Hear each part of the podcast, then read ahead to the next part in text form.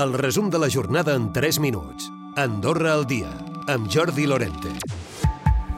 Després d'un 2022 complicat, les coses comencen millor en aquest 2023 pel que fa als fons de reserva de jubilació.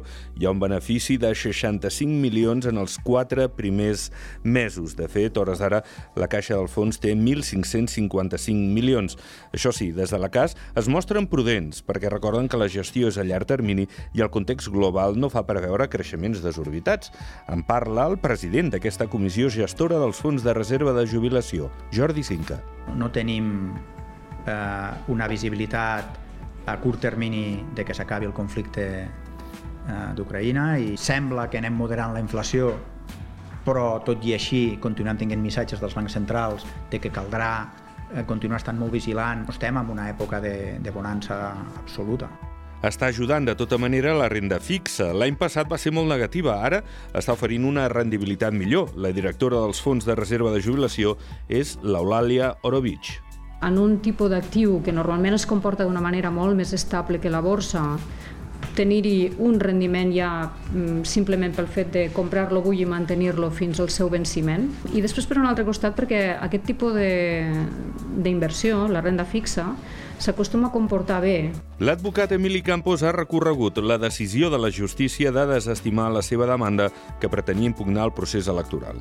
El lletrat diu que està disposat a arribar, si és necessari, fins al Tribunal Constitucional. La iniciativa judicial que va presentar era perquè trobava que s'havien produït irregularitats en les votacions que posaven en dubte la transparència dels comicis. La justícia, recordem, va desestimar la seva denúncia. I la Creu Roja disposarà d'un giny de teleassistència mòbil que donarà més prestacions als usuaris. Seria en vista al juliol.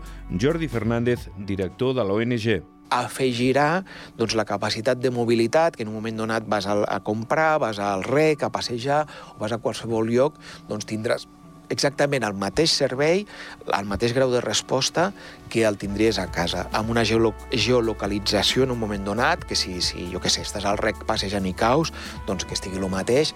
D'altra banda, la primera Fira de Serveis Digital d'Andorra ha acollit una quarantena de proveïdors i uns 150 assistents, tot plegat, empreses de diferents sectors que han exposat els seus serveis i han pogut interactuar amb clients potencials. David Vicente, director del programa de transformació digital d'Andorra. Mesura ha de permetre doncs, aquest contacte no? entre l'oferta i la demanda que entenem que és importantíssim també doncs, per activar el que és l'economia del país. Eh? Les empreses entenguin qui són, quina és la seva estratègia, eh, a quins mercats volen treballar, quines són les seves capacitats, els seus recursos, els seus processos.